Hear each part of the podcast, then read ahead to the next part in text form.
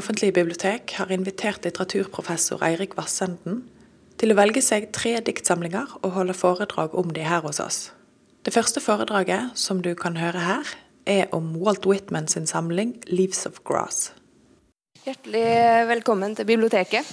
Og eh, velkommen til første poesiarrangement i serien eh, Til kjernen. Til kjernen er jo et prosjekt vi har holdt på med i hele høst og skal holde på med til neste år også. Og Det omfatter mm, god litteratur i flere sjangre. Og vi diskuterer spørsmål rundt kvalitet, hva, hva som er kvalitet, og ja, der vi presenterer kvalitetslitteratur i tillegg. da. Men nå er det altså poesien som står for tur. Og Vi er så heldige å ha med oss eh, litteraturprofessor ved Universitetet i Bergen, Eirik Vassenden. Så da gir jeg bare ordet til han. Eh, tusen takk til eh, biblioteket for invitasjonen til å ja, få lov til å lage en sånn rekke da med, med tre eh, diktsamlinger. Jeg ble bedt om å plukke ut tre bøker som jeg synes var spesielle, altså som jeg gjerne ville løfte fram, eller som jeg ville plassere, eller eh, ja, så å si regne som en del av, uh, av en slags uh, lyrikkanon eller kjerne, eller hva man skal finne på å kalle det. Og eh, da valgte jeg altså Whitmans 'Leaves of Grass', Inger Hagerups 'Så rart' og, eh, og eh, Arild Nyquists eh, store eh, diktsamling om havet. Eh, ikke tre kanskje helt opplagte valg, men, men eh, måten jeg har tenkt dette på, er at jeg gjerne vil få lov til å løfte frem tre bøker som jeg tenker er, er viktige akkurat nå. Som av bestemte grunner eh,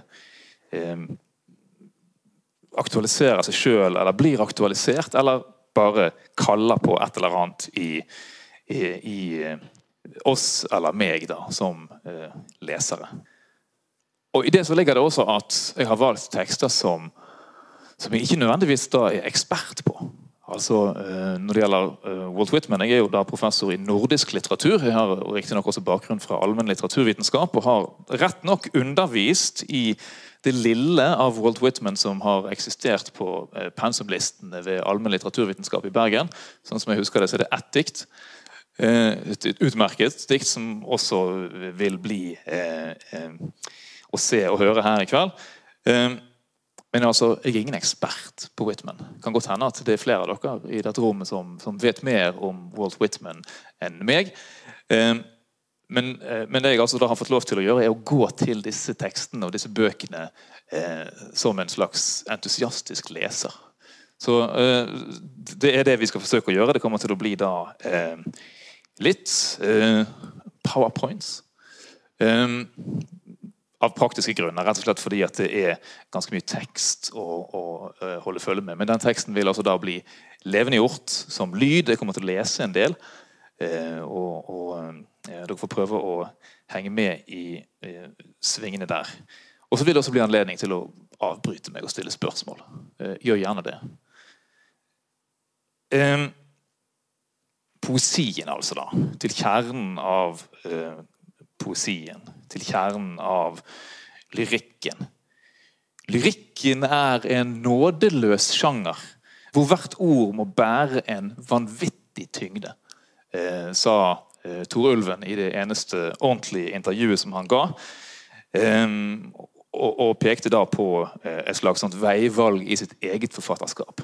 Han forlater lyrikken rett og slett for å unnslippe det der, det der eh, konsentrasjons- og fortetningspresset som sjangeren da eh, kan sies å bære med seg. Og den gjør det. sant? Veldig mange gode dikt har en sånn, en sånn øh, en slags Eh, tetthet eller fortetning i, sin, i, i sitt vesen. Da, Dette diktet, uh, Goethes 'Vandringsmannens nattvise', i veldig mange sammenhenger uh, påstått å være verdens beste dikt. I selvfølgelig en konkurranse som ikke fins. Men, men, det er en tekst som da også da er, er ytterst kompakt og, og og der eh, særlig da, eh, særlig da endeordene i hver linje da bærer vekt både, i, eh, både semantisk, altså både, både, på meningsnivå og lydlig. På norsk 'Over alle tinder er ro'. og alle vinder høyres nå knapt som et såg. I dette såget har man da luften og pusten og, og også det, det, det der vindtrekket som, som da eh, knapt kan høres. Småfuglen blunder så varleg, vente nå snarlig hviler du òg. Vandringsmannen som da skal sove inn, sovne inn under treet eh, i skogen, og, eh, og eh, altså da eh, vandringsmannen som skal sovne inn og dø, som vi alle skal. altså En, en klassisk sånn eh, påminnelse. da. Og Der ligger da, omtrent i disse, eh, i disse endeordene, mye tydeligere på tysk enn på norsk Balte roest du aur. Snart, snart, snart sover vi alle. Også du leser. Eh, og i veldig, mange, i veldig mange tekster så finner man altså denne her eh, sånn si, kompresjonen. da. Et, et, et, stort bilde, et, et veldig landskap, eh, presset inn på få linjer med veldig, veldig eh, ladde eh, enkeltord og, og fraser. Og Ofte så kaller vi dette, den, denne tendensen i poesien for en form for konsentrasjonslyrikk. De peker innover mot, mot, mot en slags uh, meningstetthet.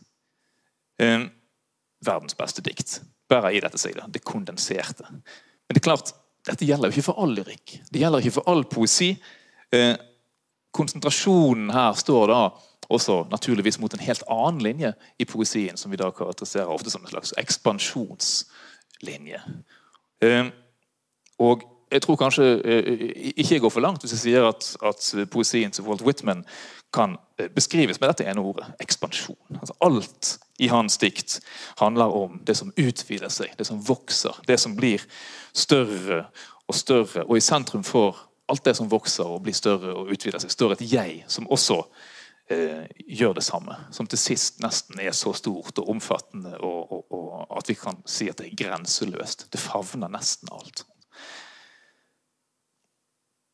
Dette er da eh, åpningslinjene fra 'Leaves of Grass', bare som et slags lite sånn, en liten sånn forsmak eller eksempel på eh, dette som jeg snakker om. Det som begynner, men i motsetning til i, i Goethe-diktet da, ikke slutter. I celebrate myself and sing myself, and what I assume you shall assume. For every atom belonging to me is good, belongs to you. I loaf and invite my soul. I lean and loaf at ease, subserving a spear of summer grass. My tongue, every atom of my blood, formed from this soil, this air born here of parents, born here from parents the same, and their parents the same. I, now 37 years old, in perfect health, begin, hoping to cease not till death. Altså Dette er åpningen og påbegynnelsen av noe. Den 37 år gamle uh, Walt Whitman som da uh, skriver uh, om det som begynner det som fortsetter og fortsetter og fortsetter. 'Hoping to cease not till death'. Altså det kun, det kun Sluttpunktet settes ikke før eh, ikke før døden. Riktignok i biologisk forstand. I eksistensiell forstand slutter ingenting. Heller ikke ved døden. Altså Denne ekspansjonen fortsetter da ut av det ut av det eh, ut av og utover det levende. Eh, hvorfor da Whitman og eh, eh, denne ekspansjonspoesien. Hvorfor er den viktig akkurat nå? Um, foruten at dette da selvfølgelig er, er, fantastisk poesi, så er det også eh, Vi lever jo også i ekspansjonspoesiens tid. Vi lever i den fortellende, narrative lyrikkens tid. Det er det som skjer i veldig store deler av samtidslitteraturen. Altså en, en, en betydelig, kanskje den viktigste eh, nålevende poeten, Øyvind Rimbereid, skriver dikt i Walt Whitman-tradisjonen. Jeg har ikke lest, Før dette arrangementet så hadde jeg ikke lest Whitman på en stund. Eh, jeg hadde lest mye om, eh, lest en hel del av, av Øyvind Rimbereid sine dikt. Skrevet litt om det. Og, og når man da åpner Whitman igjen, så er det en slags lesenøkkel til forståelsen av ganske store deler av samtidslitteraturen. fremstår det for meg som. Øyvind er et eksempel. Disse lange, sveipende, glidende fortellingene som aldri slutter. De bare begynner, og så fortsetter de, de litt andre steder. Eh, men også disse andre diktene som lar da kor av ulike typer erfaringer komme til syne som lyriske fortellinger. Ruth Lillegravens eh, eh fortellende dikt hører til her. Nyere poeter som lar alle mulige verdens skapninger få stemmer og plass, altså andre stemmer enn de tradisjonelt menneskelige. Kjartan Hatløy, Terje Dragseth, Erlend Nødtveit, Aina Villanger f.eks. Alle disse er i slekt med å, å, å spille videre på denne Whitman-linjen. Det ekspanderende eh, i poesien. Whitman står også i en annen tradisjon som jeg synes det kan være verdt å, å henlede oppmerksomheten eh, på når vi snakker om det samtidige. Eh, livsstyrkene, vitalistene. De som, eh, de som ikke bare konstaterer at det ekspanderende, voksende eh, universet finnes, men også eh, løfter det opp og, og dyrker det. Eh, der, så å si, Den grunnleggende verdensanskuelsen er at alt lever og vokser som en form for organisme. Denne tenkemåten finner vi altså da i store deler av, av den økokritiske bevegelsen, som også på mange måter da eh, slekter på eh, den verdensanskuelsen som kommer til syne i disse diktene her. På samme måte som naturen vokser og gror organisk, så vokser også kunsten frem. Diktene hos Whitman er som gresstrå, som blader av gress. De grønnes og vokser og visner og grønnes igjen. Det er en tenkemåte som jeg også tenker, ser for meg at har en viss, en viss eh, relevans og betydning for forståelsen av en del ting som foregår i, i samtidspoesien for øyeblikket. Um, I tillegg til at, til at dette forfatterskapet da eh, uh, ser ut til å ha en slags uh, aktualitet i, i, nyere poesi, så er det klart at den også fins i, i, den store nordiske litterære kanonen. Hvis man lytter i F.eks. i en norsk litteraturhistorisk sammenheng hører vi veldig sjelden eh, om, om, Whitman. Men hvis vi lytter, så hører vi Whitman hviske i bakgrunnen i en lang rekke forfatterskaper. Lang rekke norske klassikere. Sigbjørn Obstfelder, Knut Hamsun, Kristoffer Uppdal, Åsmund Sveen. Eh, jeg har ikke sett det før, eller tenkt det før, men da jeg leste uh, gjennom uh, disse diktene nå, så dukker det også opp en håndfull norske klassikertekster som så å si er gjemt inni dette store mylderet av, av eh, tekster som er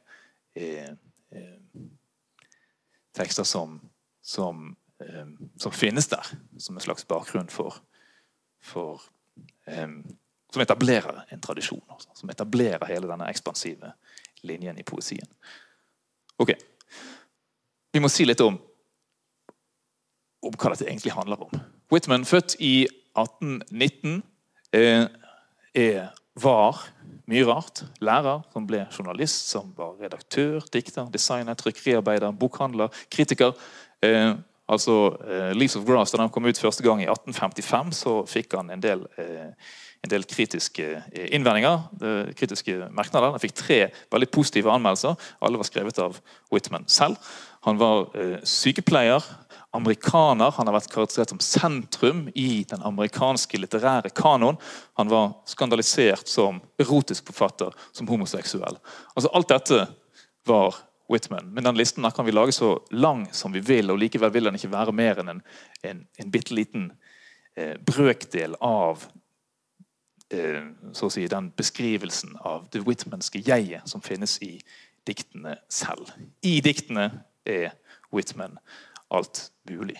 Dette eh, bildet er da eh, hentet fra eh, illustrasjonen til, til førsteutgaven av Leaves of Grass. Dette er altså da eh, Whitman, sånn som han iscenesetter sin, eh, sin, sin dikterskikkelse. da, Som en, en eh, demonstrativt uflidd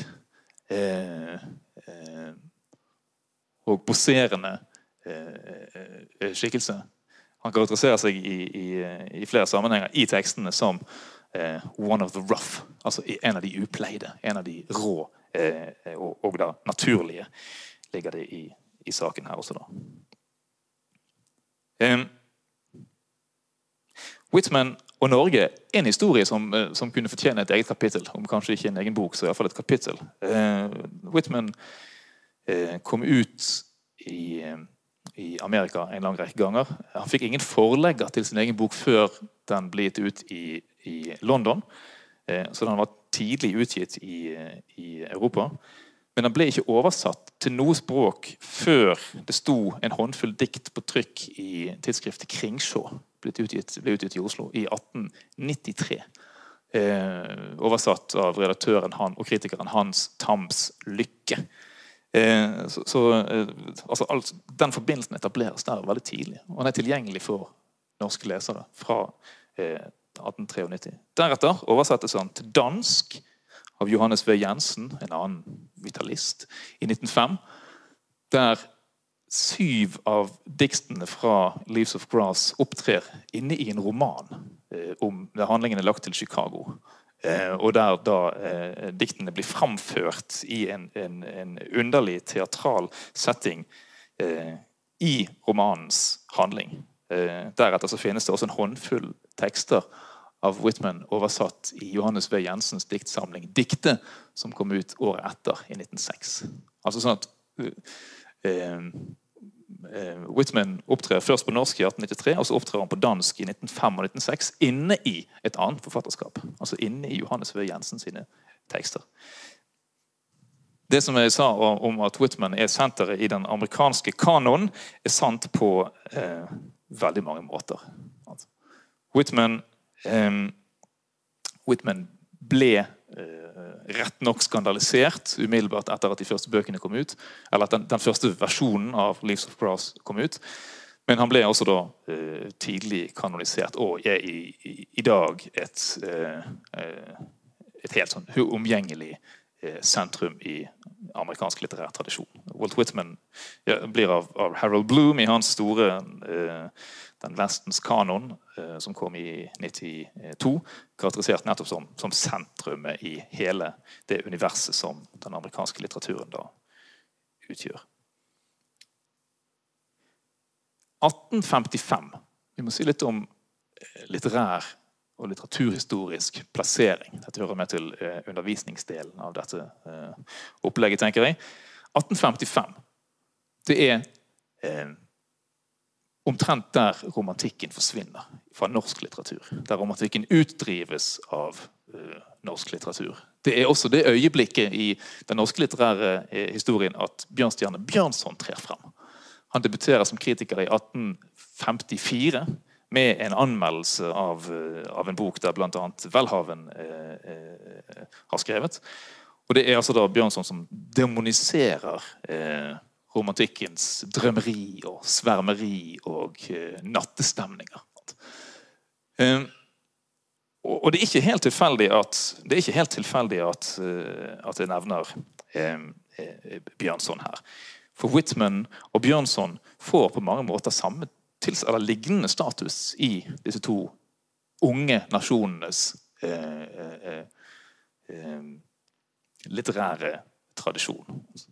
Det er to unge nasjoner, i likhet med veldig mange andre unge nasjoner i Europa på midten av, eh, eller begynnelsen av, av 1800-tallet, som etablerer sin egen litterære kanon, sin egen litterære tradisjon, som etablerer sin egen forståelse av hva, det, altså hva nasjonalitet og hva nasjon er for noen ting.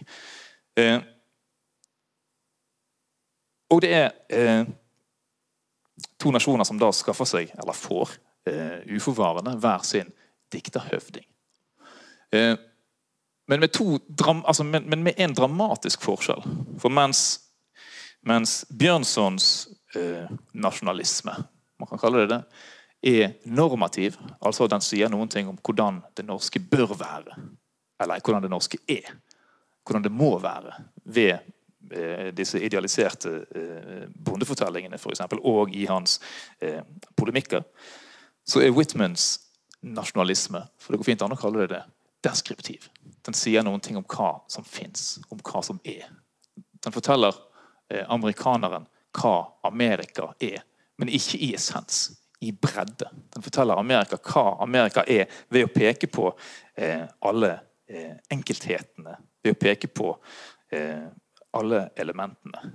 Og én grunn til at eh, 'Leaves of Grass', denne boken eh, som vi da snakker om. En grunn til at den er så tykk, er at han inneholder endeløse oppramsinger av ting som finnes i verden.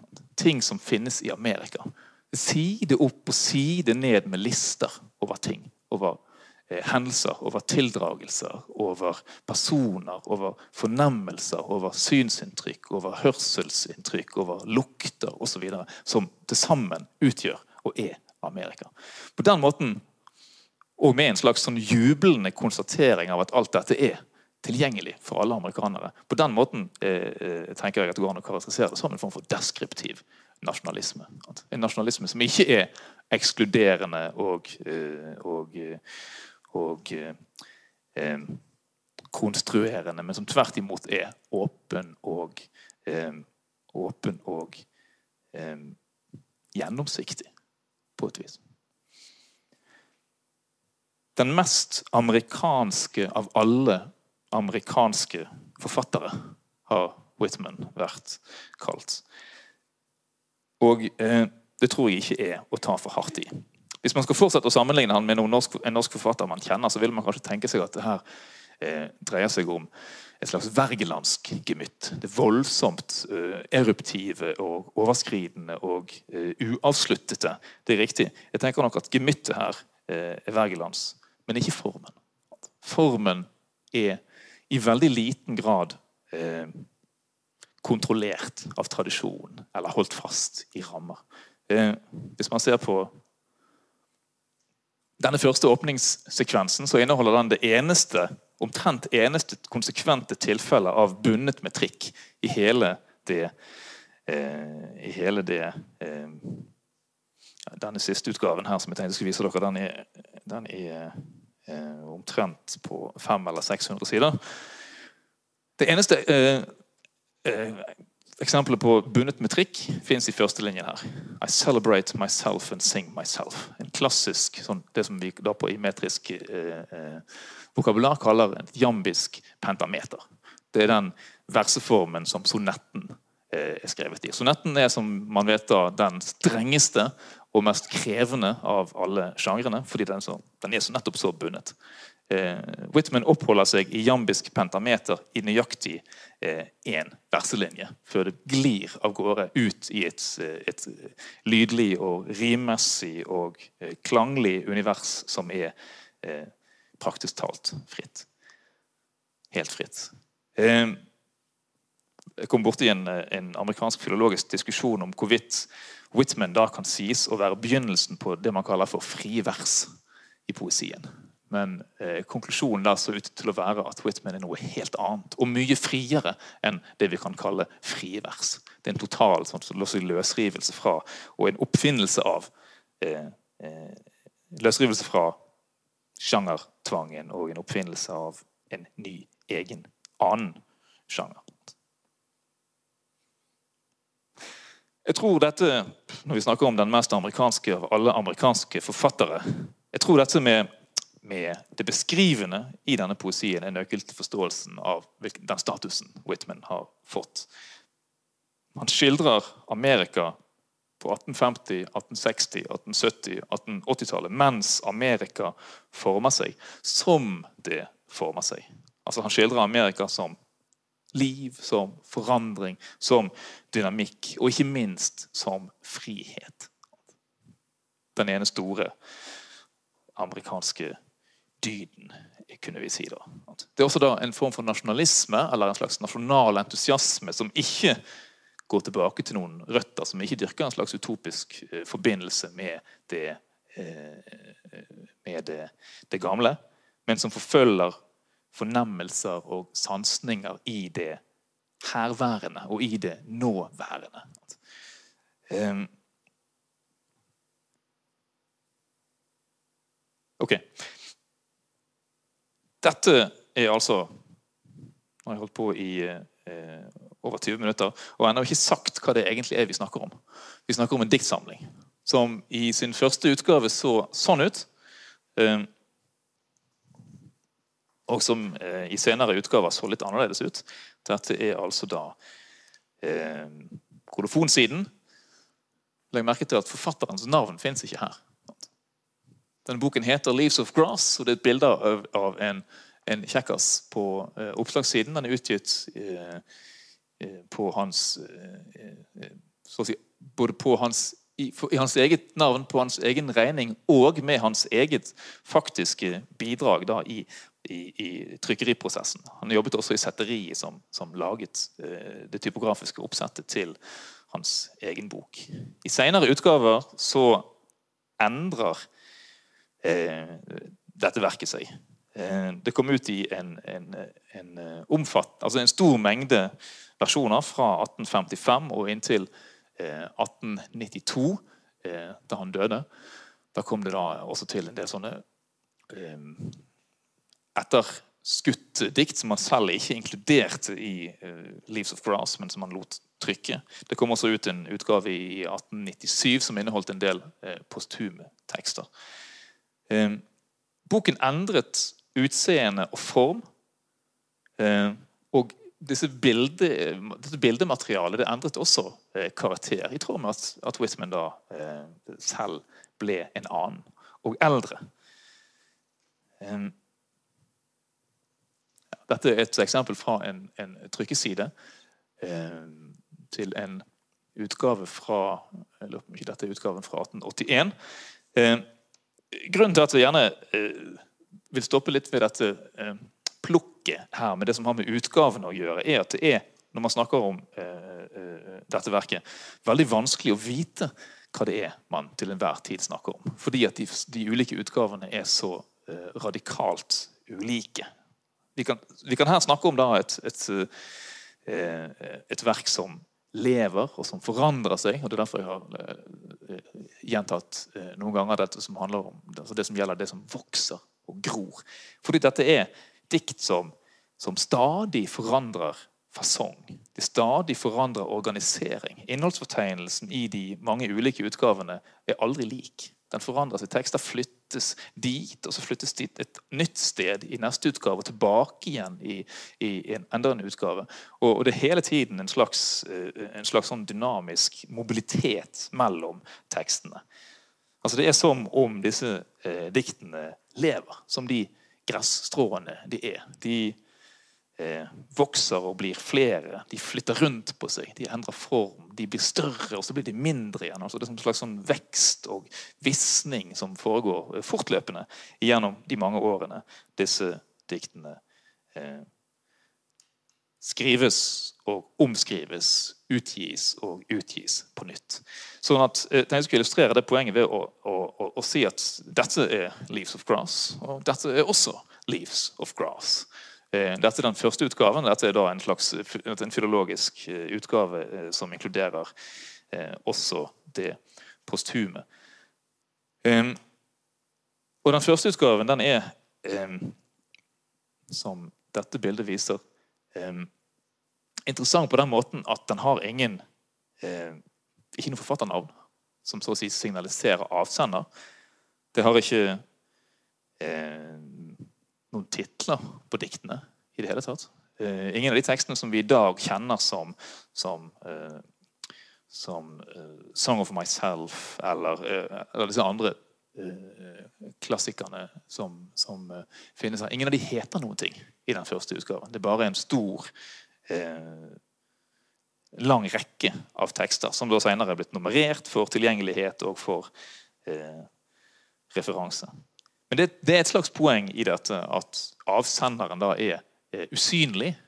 Han er synlig visuelt, men han er ikke synlig som, som navn, som eh, autoritet, som forfatteravtrykk. Det er eh, eh ikke, kunne man da si, Walt Whitman som skriver eller synger eller snakker i disse diktene. Det er verden, det er menneskene, eller det er Amerika, som er både mottaker og avsender på mange måter. For da, Den posituren han da inntar her, er, er en, en, slags åpen skikkelse. En amerikansk eh, eh, arketype som blir etablert her, og som da blir gjentatt. Det er også den samme, den samme posituren som inntas av Eh, det vi kunne kalle kunstner-outsidere gjennom hele amerikansk kunsthistorie og, og litteraturhistorie. Det er også beat-poesien sin positur som her blir etablert, og som da blir som også blir utprøvd og, og brukt. Og det er en rolle som, som si hvem som helst kan gå inn i.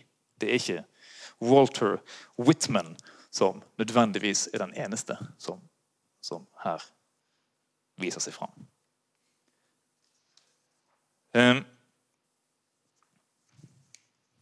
jeg tenkte jeg skulle oppholde meg mest ved det som er det, det, det ene store og, og, i hvert fall for meg mest fascinerende eh, diktet i denne samlingen, 'Leaves of Grass'.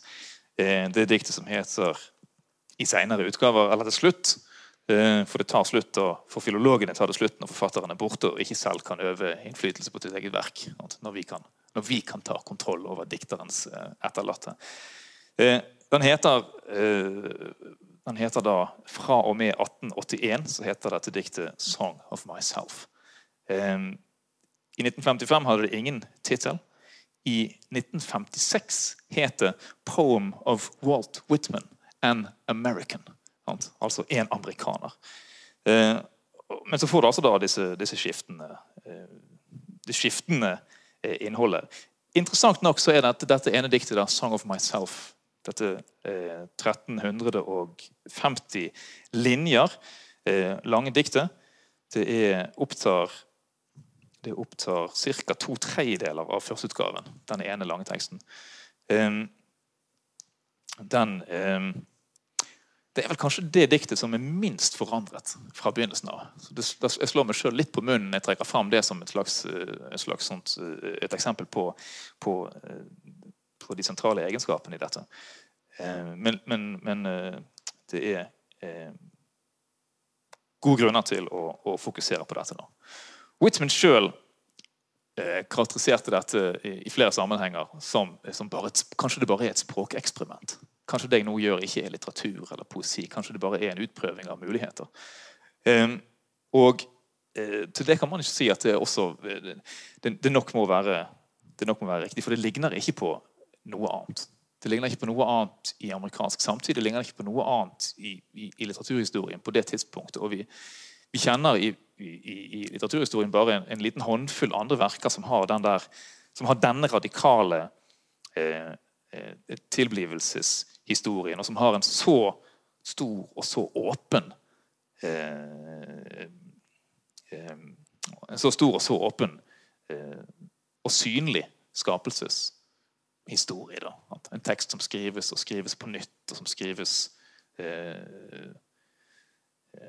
ned og så skrives opp, og som aldri slutter å, å puste, nesten, da, som en levende eh, organisme. Det er klart at det finnes noen. Det finnes noen store romanverk som gis ut i en lang rekke eh, utgaver. Eh, men, men, dette er et av, de, et av, de, aller tidligste som fremviser denne åpne, prosessuelle eh, holdningen som, eh, som form. Førsteutgaven så vi må innrømme at jeg syns uh, kanskje det er filologen i meg da, som søker etter en eller annen form for eh, egentlighet i alt dette flytende og levende og voksende. Førsteutgaven er en veldig, veldig, interessant tekst. Den inneholder også en, en uh, slags selv, selvforklaring. En, en, slags poetikk fra den foreløpig da, navnløse dikter. det som kjennetegner den store poeten. The greatest poet. Hva er det som kjennetegner den store poeten? Jo, svarer Whitman da seg selv i dette forordet.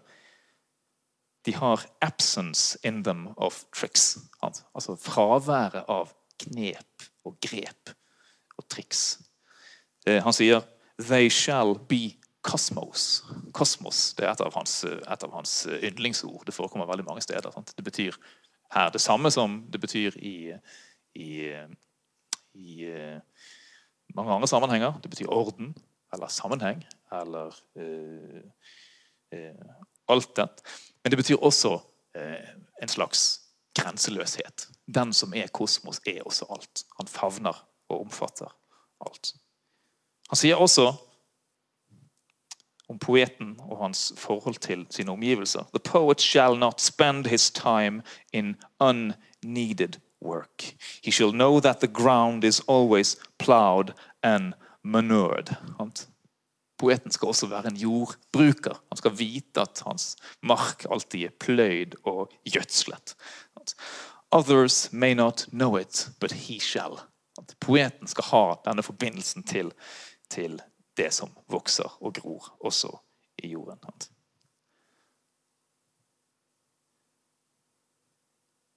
Eh, og Poeten skal ha kunnskap om det, men han skal også delta. Han skal også være deltakende. The known universe has one complete lover, and that is the greatest poet. Poeten er også jordens største eh, elsker. Eller jordens eh, ene, hele elsker. Eh, avslutningsvis så sier han også noe om at eh, i tillegg til dette med at poetene har eh, kjennetegnes av et fravær av knep og triks Poetene skal være They are of use. De skal være brukbare. De skal være til nytte. De skal gjøre noe. Han sier ingenting spesifikt om hvordan de skal gjøre noe. Dette er veldig langt unna de diskusjonene vi av og til støter på om politisk litteratur litteratur som kan brukes. Dette tenker jeg er, er, er of use i en eh, mer eksistensiell og i alle fall en mer eh, fundamental eh, forstand. Men det er altså poetens tilstedeværelse i sin egen tid. If he does not, sier han gjennom poeten, if he does not flood himself with the immediate age as with vast oceanic tides, så er han ingenting verdt. Poeten skal altså gjennomstrømme eller gjennomvete av samtiden som av havet. Eh, det er altså da å være til stede. Den avsluttende i denne innledningen her, da, definisjonen av hva som er det store, store diktet, eh, eh, er negativ. Han sier ikke hva det store diktet skal være. Han sier bare hva det ikke skal være. Det store diktet skal være ikke fullkomment. Det skal ikke være fullført. Det skal ikke være tilendebrakt. Det skal være en begynnelse.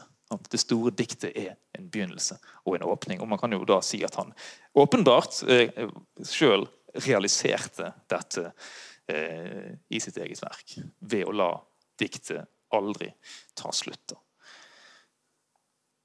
Eh,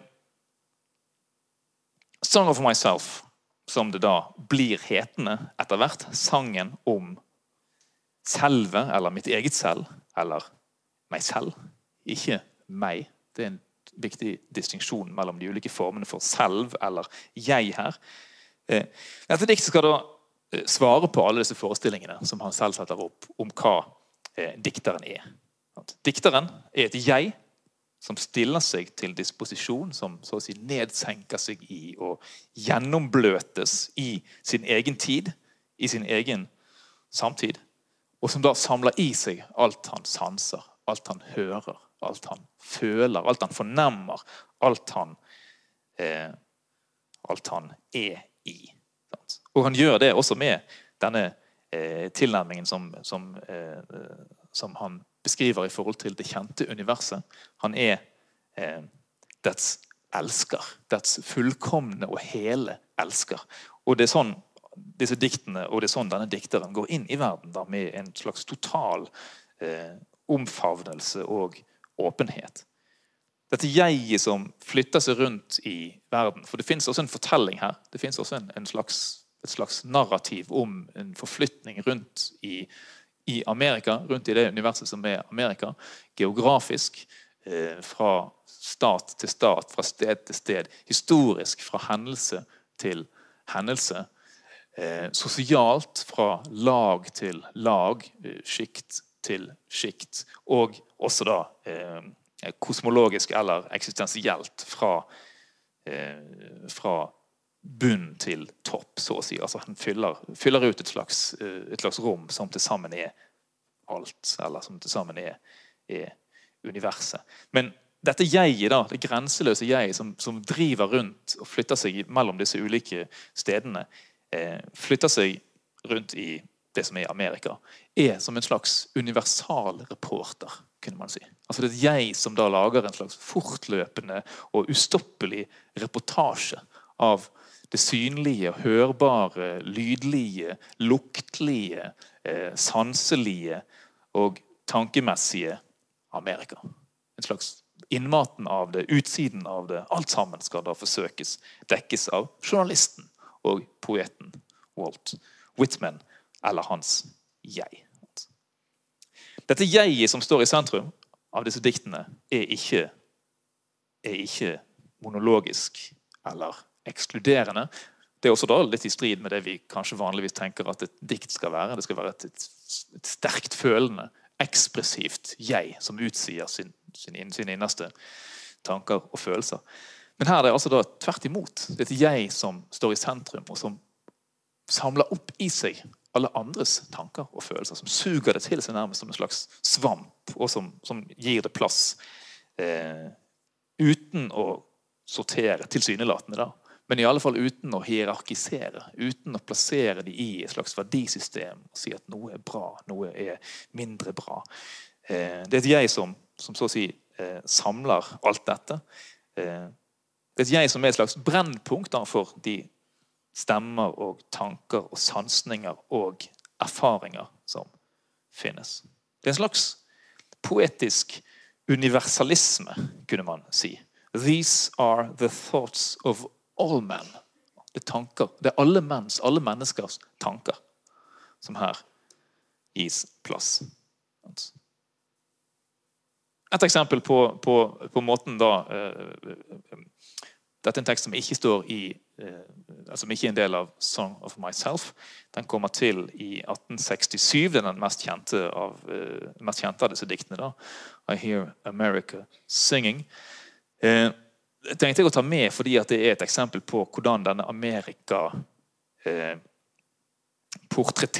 hans eh, får, eh, får, et slags kortfattet og kontant og klassisk etter hvert. I hear America singing the varied carols I hear, those of mechanics, each one singing his as it should be blithy and strong, the carpenter singing his as he measures his plank or beam, the mason singing his as he makes ready for work or leaves off work, the boatman singing what belongs to him in his boat, the deckhand singing on the steamboat deck, the shoemaker singing as he sits on his bench, the hatter singing as he stands. Dere hører dette som er sånn kataloger eller inventarer eller oppramsinger. Sant?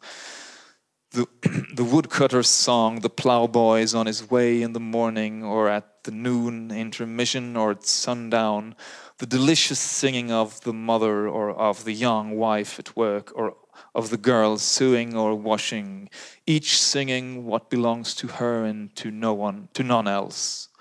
The day what belongs to the day, at night the party of young fellows, robust, friendly, singing with open mouths their strong, melodious songs. Og i dette, eh, i dette så er det jo også Det er også um, måten han ser uh, fellesskapet, America Singing, uh, som ikke én stemme, men som et slags polyfont kor av de individuelle eh, stemmene og sangens betydning for hver en og for den enkelte her. For håndverkerne, for kunstnerne, for arbeiderne, for bøndene, for mødre, for koner. Sangen er enestående og knyttet til hver enkelt, men den er også det som binder de sammen. Så det har man en slags enkel formel for, kan man si, selv om det ikke er enkelt det som er Amerika. Frihet i form av individualitet. Og fellesskap i form av praksis. Ikke i form av en slags essensiell kjerne, som jo vår europeiske nasjonalisme er kjennetegnet av. Men altså det grenseløse jeget. Og da er vi et stykke inne i et stykke inne i Song of Myself, karakteristikk av Nå blir det litt høytlesning, så hvis, det, hvis, dette er, er, vanskelig å høre eller vanskelig å se, så får dere eh, bare rope ut. These are the thoughts of all men in all ages and lands. They are not original with me. If they are not yours as much as mine, they are nothing or next to nothing. If they do not enclose everything, they are next to nothing. If they are not riddle and the untying of the riddle, they are nothing. If they are not just as close as they are distant, they are nothing. This is the grass that grows wherever the land is and the water is. This is the common air that bathes the globe. This is the breath of laws and songs and behavior. This is the tasteless water of souls. This is the true sustenance. It is for the illiterates. It is for the judges of the Supreme Court. It is for the federal capital and the state capitals. It is for the admirable communes of literary men and composers and singers and lecturers and engineers and savants. It is for the endless races of working people and farmers and seamen. Og dette er altså, eh, dette er altså et lite og egentlig veldig kort og effektivt eksempel på denne, denne katalogen av, av eh, fenomener, av eh, mennesker og av aktiviteter. Og her er det altså da eh, i, siste, i siste ledd her helt eksplisitt eh, at denne heterogeniteten i seg selv, dette mangfoldet av skapninger, mangfoldet av skikkelser, som er eh, det, er altså, det er altså deres stemmer som her lyder. Det er deres erfaringer som her Eh, slipper til. Det er deres tanker som her tenkes i denne boken. Det er ikke dette ene suverene jeget i sentrum. Det er eh, de andres, eller de alles, stemmer som her slipper til.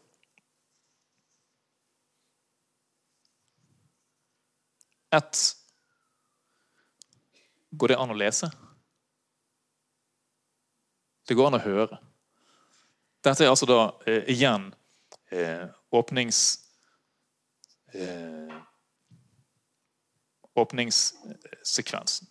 Det er eh, Det er det stedet der det begynner. Jeg har lest litt av det. Jeg tenkte kanskje jeg ville lese litt til av det. Eh, fordi det viser noen ting eh, som er helt eh, sentralt i dette verket. Eh, som handler om selv Eh, selvfremstillingen eller selvutleveringen eller åpenbaringen eller plasseringen av det selve som da står til disposisjon for alle amerikanere, alle lesere. Vi blir kanskje alle amerikanere når vi leser et verk som dette. Eh, her legger vi også merke til at i førsteutgaven så fins eh, ikke denne, denne åpne linjen med jambisk pentameter den kommer først til i andre utgave. Det et, kanskje, kanskje, det er et slags, et slags trick, et slags knep, som poeten tillater seg selv i andre utgave. Ok, det åpner sånn. I celebrate myself and what I assume you shall assume, for every atom belonging to me is good belongs to you. Eh, alt dette deler vi. Sant? Alt dette er felles. Alt som tilhører meg, alt som jeg åpner. Hvert eneste atom til, som tilhører meg, tilhører også deg. Og det gjelder også da, Vi må også forstå det i, i kroppslig forstand.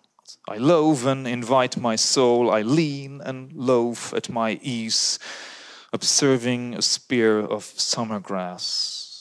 Houses and rooms are full of perfumes. The shelves are crowded with perfumes. I breathe the fragrance myself and know it and like it. The distillation would intoxicate me also, but I shall not let it. The atmosphere is not a perfume, it has no taste of the distillation. It is odorless, it is for my mouth. Forever I am in love with it. I will go to the bank by the wood and become undisguised and naked. I am mad for it to be in contact with me. The smoke of my own breath echoes, ripples, and buzzed whispers, love root, silk thread, crotch, and vine, my respiration and inspiration, the beating of my heart, the passing of blood and air through my lungs, the sniff of green leaves and dry leaves, and of the shore and dark colored sea rocks, and of hay in the barn, the sound of the belched words of my voice, words loose to the eddies of the wind a few light kisses, a few embraces, a reaching around of arms, the play of shine and shade on the trees and the supple boughs wag, the delight alone or in the rush of the streets or along the fields and hillsides, the feeling of health, the full noon trill, the song of me rising from bed and meeting the sun. Have you reckoned a thousand acres much? Have you reckoned the earth much? Have you practiced so long to read? To learn to read, have you felt so proud to get at the meaning of poems? Dette er oss, da. Dette er tiltalen til den eh, belærte eller belærende leser, som også da må slippe garden sin her.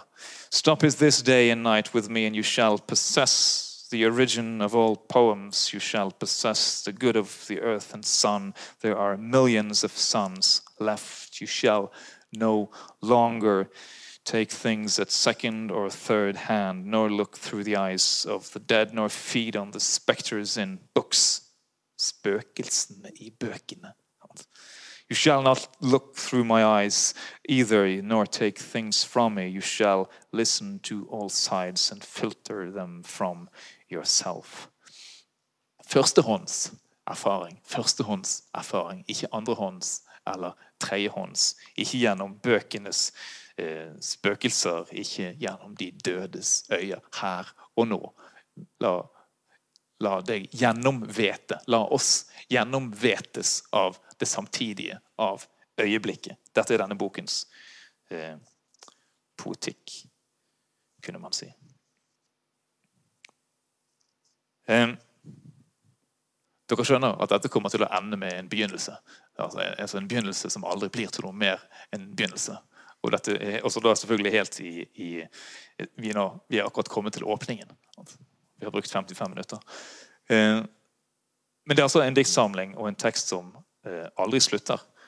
Og, eh, og, jeg har nå ca. hvis ikke jeg har talt feil, da, 20 slides til med tekster som bare ruller og ruller og ruller og ruller videre. Eh, jeg vil lese én til sekvens som eh,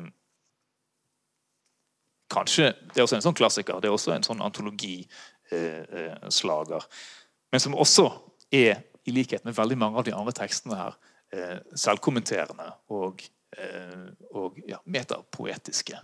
Men ikke metapoetiske i en sånn moderne, modernistisk forstand. Eh, der diktet så å si iscenesetter sine egne språklige mysterier og, og, og, og sine semantiske gåter for leseren.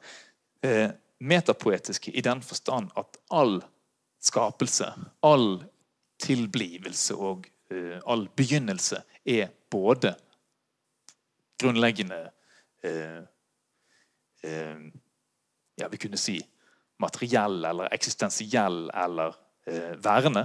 Og den er kunstnerisk. Men det er ingen forskjell. Det er ingen, ingen vesensforskjell på det, på, på det som er i verden av ting og gjenstander og hendelser og det som er i verden av kunst og poesi. Det er det samme. Dette er altså da en slags lesning eller utlegning av, av dette tittelordet gresset. Gressbladene.